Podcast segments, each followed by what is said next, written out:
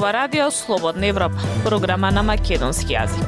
Од студиото во Скопје Пелагија Стојанчова.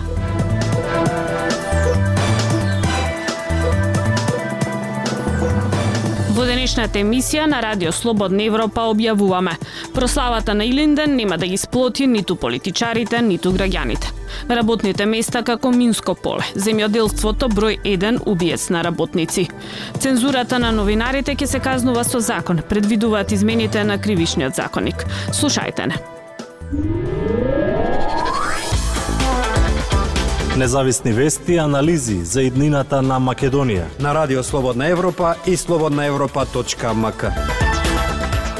Повиците за единство нема да изостанат ниту на оваа прослава на Илинден, но во реалноста поизразени се поделбите, како меѓу политичарите, така и меѓу народот. Премиерот годинава ќе оди во Крушево, председателот на државата е во Скопје, а председателот на собранието на Пилинце. Лидерот на ВМРО ДПМН се уште нема одлучено каде ќе го одбележи празникот. Повеќе од прилогот на Марија Митевска. Повици за заедништво и за надминување на поделбите се редовна пракса во говорите на политичарите за време на прославата на 2 август. Но реалноста е поинаква, бидејќи со години власта и опозицијата не се сплотени, а поделени се и граѓаните. Извесно е дека заедничко чествување со Бугарија нема да има и покрај неодамна подпишаниот билатерален протокол меѓу двете земји. Одбележувањето на празникот е на три локации Крушево, Пилинци и Скопје, за кои секоја година се менуваат председателот на државата, председателот на собранието и председателот на владата според системот на ротација. Премиерот Димитар Ковачевски, како што соопшти владата, годинава ќе се обрати на свеченоста која ќе се одржи на Мечкин камен во Крушево. Председателот Стево Пендаровски ќе биде во Скопје, а на Пилинце ќе оди и председателот на собранието Тала Джафери. Од ВМРО ДПМН е вела дека се уште нема договор каде партијата ќе го прослави празникот. Председателот на ВМРО ДПМН е Христијан Мицковски на ланското одбележување на Денот на Републиката повика на обединување против власта. Мицковски беше поканет од Пендаровски да присуствува на прославата во Крушево, но тој празникот го одбележи во Ташмаруништа така кај Струга и настанот на Мичкин камен го нарече циркуски церемонијал. Пендаровски неговата изјава ја нарече длабока навреда и рече дека жали за одбивањето на поканата која била негов искрен обид за надминување на политичките разлики барем за Илинден. На политичарите им одговараат поделбите и тоа го гледаме години наназад, вели Александар Цветковски од невладината организација Актис, чија мисија е имплементација на европските стандарди во општеството. Ја пумпа таа атмосфера, меѓупартиски исто така веќе народот не знам уште колку може да се подели да се предлабочи таа поделба, таа е веќе тотална. И на улиците се случува, веќе луѓето се препознаваат како приврзаник на оваа партија, приврзаник на онаа партија и тука нема слободно размислување. Што рекле партиите, тие како папагали ќе повторуваат, значи критична маса има многу малку која може да се дигне на сето тоа. Додава дека во една безперспектива и кога има огромно ниво на разочараност од власта која 30 години не се знае каде и како не води, нема да изненади една прослава на празник да биде високо ризичен настан. Едноставно никој не сака и не може да застани на на поделбите, премногу сне саеле ветер, а сега знаеме збура. Тој очекува реториката за време на празникот да се заостри, а истото според него го прават и бугарските политичари борејќи се за власт. Во протоколот по кој Бугарија го тргна ветото за Северна Македонија за отпочнување на преговори за членство во Европската унија, се предвидува дека двете држави во 2022 и 2023 година да ги чествуваат сите заеднички историски настани личности кои се веќе договорени од заедничката експертска комисија за историски прашања, а ако има политичка волја од двете држави, ќе се прославуваат и други заеднички историски настани личности. Комисијата досега даде препораки за заедничко чествување на цар Самуил, браќата Кирил и Методи, Свети Климент и Свети Наум Охридски. Слободна Европа. Следете на на Facebook, Twitter и YouTube. Во продолжение, слушнете го разговорот со Милан Петковски од Сдруженијето за заштита при работа. Тој зборува дека работното место многу повеќе наликува на минско поле, отколку на работно место каде што човекот би требало да заработи честно и да напредува. Предничи земјоделството како број еден убиец во Македонија. На второ место е градежништвото, вели тој. Господине Петковски, во изминатиот период споделуваат информации за починати и повредени работници на нивните работни места. Се добива впечаток дека расте бројот на жртви. Со какви податоци вие располагате? Па дефинитивно во Македонија се гине на работните места. Според она статистика која ние годишно објавуваме на 28 април, Светскиот ден за безбедност и здравје при работа, би рекол дека малка не е еден неделно не гине на работното место. А, не се тоа само ед, едни специфични професии, туку би рекол цел спектар на професии каде што македонскиот работник гине на своето работно место. Често пати за да ја доловам поблеску сликата до обичниот граѓанин, правам, правам некои си паралели дека всушност работното место многу повеќе наликува на минско поле отколку на работно место каде што човек би требало да заработи, честно да дојде во ситуација да а, напредува, да се афирмира и така натаму. Во секој случај имам уште многу многу да одиме во насока на подобрување или обезбедување на безбедни здрави работни места, а тоа многу поспора ќе ни оди да доколку го задржуваме овој така наречен балкански менталитет, каде што сметаме дека работниците се само уште еден ресурс. На, на што се должи бројот на жртви? Може ли да посочиме, ајде да кажеме, виновник во наводници? немањето на одговорност или одговорност која нема големи реперкусии доведува до тоа да лесно не поминуваат овие нестечи на работното место и уште пострашно е дека не учиме тие нестечи. Но институциите кои ги плаќаме, кои би требало да дојдат во ситуација да ги анализираат овие нестечи повеќе да ги воведат стандардите кои би е, превенирале случување на следни е, исти такви несреќи, не функционираат. Кој сме кај тоа, добиваат ли правда оние кои се повредиле на работно место или пак семејствата на луѓе што починале на работно место? Да, има некои случаи кои всушност заради повреди семејствата, вработениот добро некоја надокнано, но верувајте ми, таа надокнада ми далеко него покрива сето она што всушност го претрпува. Еден повреден човек, една, едно семејство кое го изгубило својот син, керка, мајка, татко и така натаму, затоа што а, доаѓаме во ситуација дека не сите работи во животот можете да ги компензирате со пари. На почетокот на разговорот рековте дека спектар на, на професии се посочени како проблематични. Може ли да се издвои сепак? И понатаму предничи земјоделството како број еден убиец во а, Македонија.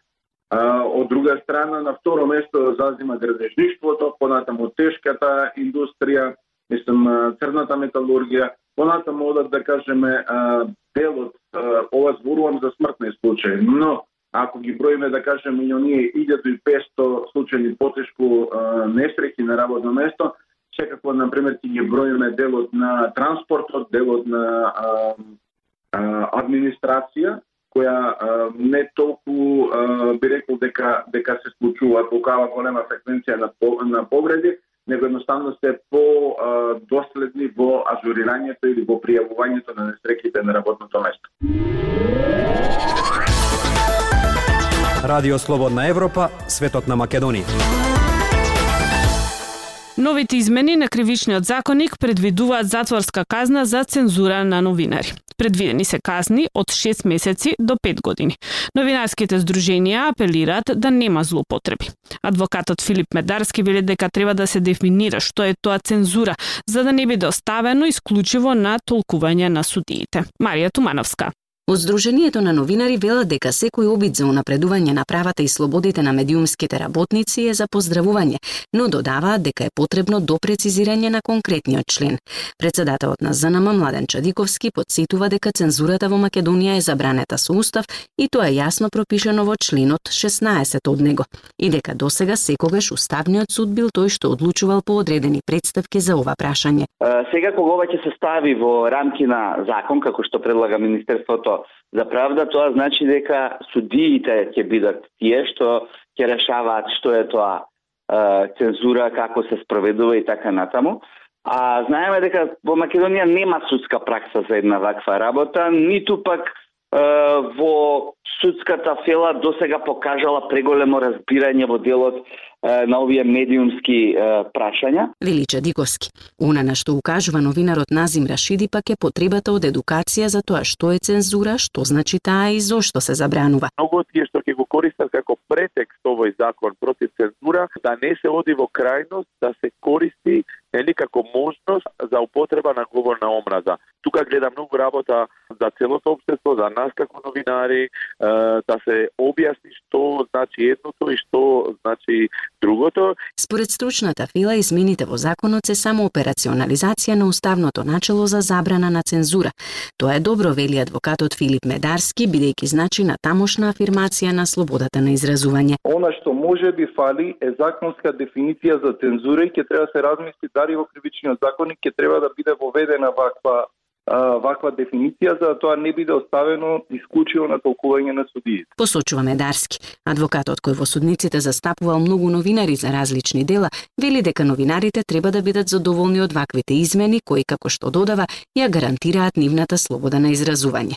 Затоа дали пак овој член отвара можност за злоупотреби, Медарски состав. Ќе треба судот при примена на овие одредби да консултира праксата на Европскиот суд за човекови права во Страсбург, за да можат тие стандарди да бидат имплементирани преку примена на, на ова одредба конкретно. Новиот предложен кривичен Законик кој е поголем од стариот и има 528 членови, по фазата на коментирање на единствениот национален електронски регистар на прописи, оди во натамошна процедура.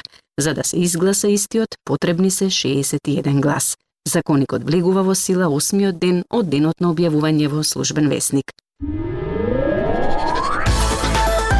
Култура и уметност на Радио Слободна Европа. Копродукцијскиот најсреќниот човек на светот, приказна за непредвидливоста на животот на македонската режисерка Теона Стругар Митевска, ќе биде прикажан во програмата Хоризонти на престојниот интернационален филмски фестивал во Венеција. Лјупчо Јолевски. Македонија по нецели три децении со мнозински проект се враќа на интернационалниот филмски фестивал во Венеција, Италија, веројатно еден од трите најголеми во светски рамки. Најсреќниот човек на светот, на нашата Теона Стругар Митевска, копродукција во која се и партнерите од Словенија, Хрватска, Белгија, Босна и Херцеговина и од Данска, ќе биде прикажан во официјалниот надпреварувачки дел од програмата Хоризонти на 79-тото издание на манифестацијата, што годинава ќе се одржи од 30 1 август до 10 септември. А ова пак подразбира дека филмот ќе ја има можноста равноправно да се надпреварува за низа награди, за најдобра режија, најдобар филм, за улоги и за други важни признанија. Со ова, земјава и нашата национална култура практично ја продолжува низата на успеси зачната со вон серискиот преддождоб на Милчо Манчевски од 1994 година, кој триумфираше токму на Венецискиот филмски фестивал. Сметам дека македонскиот филм е најголемиот амбасадор на,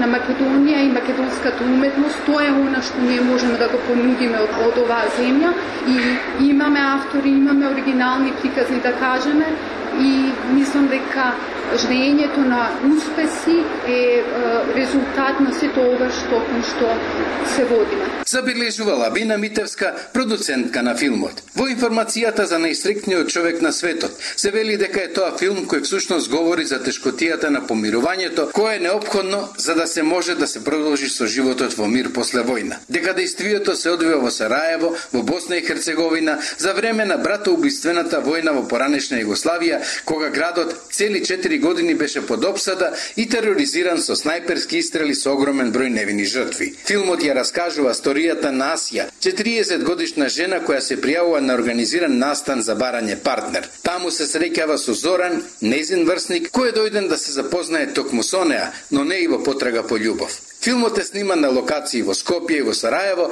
а главните улоги ги толкуваат босанско-херцеговачките глумци Јелена Кордич Курет и Адна Номеровиќ. Во најстрекниот човек на светот играат и Лабина Митевска, Ана Костовска, Николина Кујача, Фирдаус Неби, Джевдет Јашари и Зорица Нушева од Македонија, како Ксенија Маринковиќ од Хрватска, Изудин Бајровиќ, Ирма Алимановиќ, Ведрана Божиновиќ, Мона Муратовиќ, Синиша Видаковиќ и Кемал Ризвановиќ од Босна и Херцеговина. Ја слушавте емисијата на Радио Слободна Европа, програма на македонски јазик. Од студиото во Скопје со вас беа Пелагија Стојанчова и Дијан Балаловски. До слушање.